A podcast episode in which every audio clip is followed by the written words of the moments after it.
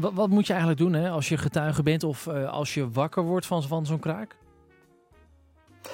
Nou ja, wat altijd goed is om te doen is uh, uh, alertheid. Hè. Heb je nou een pinautomaat in de buurt, een geldautomaat, uh, wees altijd alert en zie je daar verdachte zaken. Mensen die daar wel erg lang bezig zijn, hoe minimaal misschien het ook lijkt, stel ons altijd op de hoogte. Dat mag echt via 112, is echt een heterdaad situatie.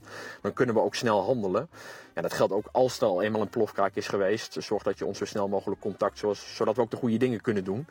Uh, bijvoorbeeld vanochtend, als je kijkt in Apeldoorn, is ook de EOD, uh, de explosieve opruimingsdienst, ter plekke gekomen. Uiteindelijk uh, niet nodig, maar wel zeker willen weten hè, dat, er, dat er niet meer explosieven aanwezig zijn. Ja, het is een zaak dat er dan snel wordt gehandeld.